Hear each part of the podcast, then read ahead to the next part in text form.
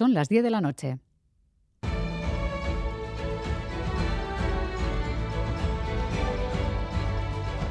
Radio Euskadi y Radio Vitoria. Servicios informativos. Repasamos los titulares de la jornada con John Fernández Mur, Gabón. Gabón, Miriam, noticias de este jueves 9 de marzo en el que comenzamos mirando a Donostia. No se podrán abrir nuevos hoteles en los barrios de la antigua Ondarreta, Ategorrieta, Olía, Centro, Grose y Baeta. En el resto de la ciudad solo en edificios o parcelas concretas. Y además no se concederán nuevas licencias para pisos turísticos en la ciudad. El objetivo de esta medida es preservar la oferta turística de calidad que ofrece San Sebastián y respetar la calidad de vida de los donostiarras en Goya alcalde. Permitir que Donostia siga siendo una ciudad en la que los ciudadanos vivamos a gusto, por supuesto, en la que la actividad turística tenga importancia y relevancia como la tiene, y lo ha sido siempre así a lo largo de nuestra de los últimos años y es una tradición de nuestra ciudad, pero eso hay que cuidarlo. Suspensión en vigor durante un año mientras se redacta la modificación del plan general que da seguridad jurídica al ayuntamiento para tomar esta decisión. El consejero de Turismo Javier Hurtado ha mostrado su respeto a la decisión del consistorio Donostiarra. Máximo respeto a la autonomía local. Tenemos un modelo de turismo sostenible que está dando muy buenos resultados y en ese sentido esa autonomía local se tiene que ejercer y esta medida se toma en función de las circunstancias de Donostia. Y en la calle la ciudadanía ve con buenos ojos la medida.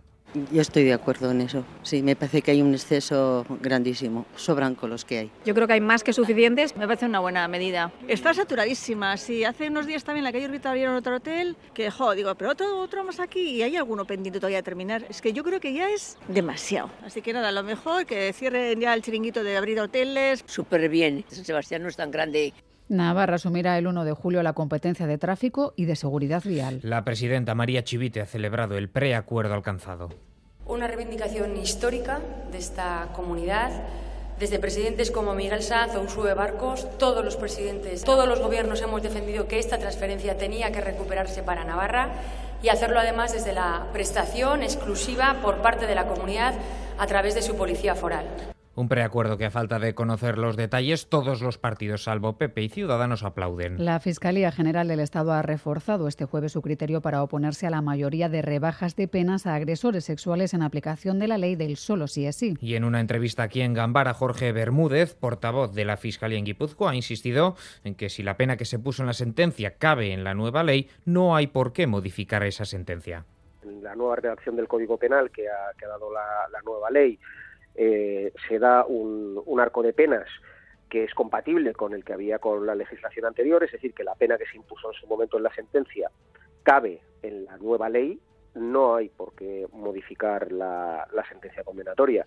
Tres personas han fallecido tras un derrumbe en una mina de la localidad de Suria, en Barcelona. El derrumbe ocurría poco antes de las 9 de la mañana en una galería a 900 metros de profundidad. Ahora se ha abierto una investigación para analizar las causas, aunque desde la Generalitat aseguran que en la última inspección de hace solo tres semanas no apreciaron ninguna irregularidad. Los fallecidos son dos geólogos que trabajaban para la empresa y otro joven recién ingresado como becario. Sus cuerpos ya han sido rescatados. Per Aragonés, presidente de la Generalitat, Patricio Chacana, consejero delegado de ICL Iberia, la empresa responsable de la mina.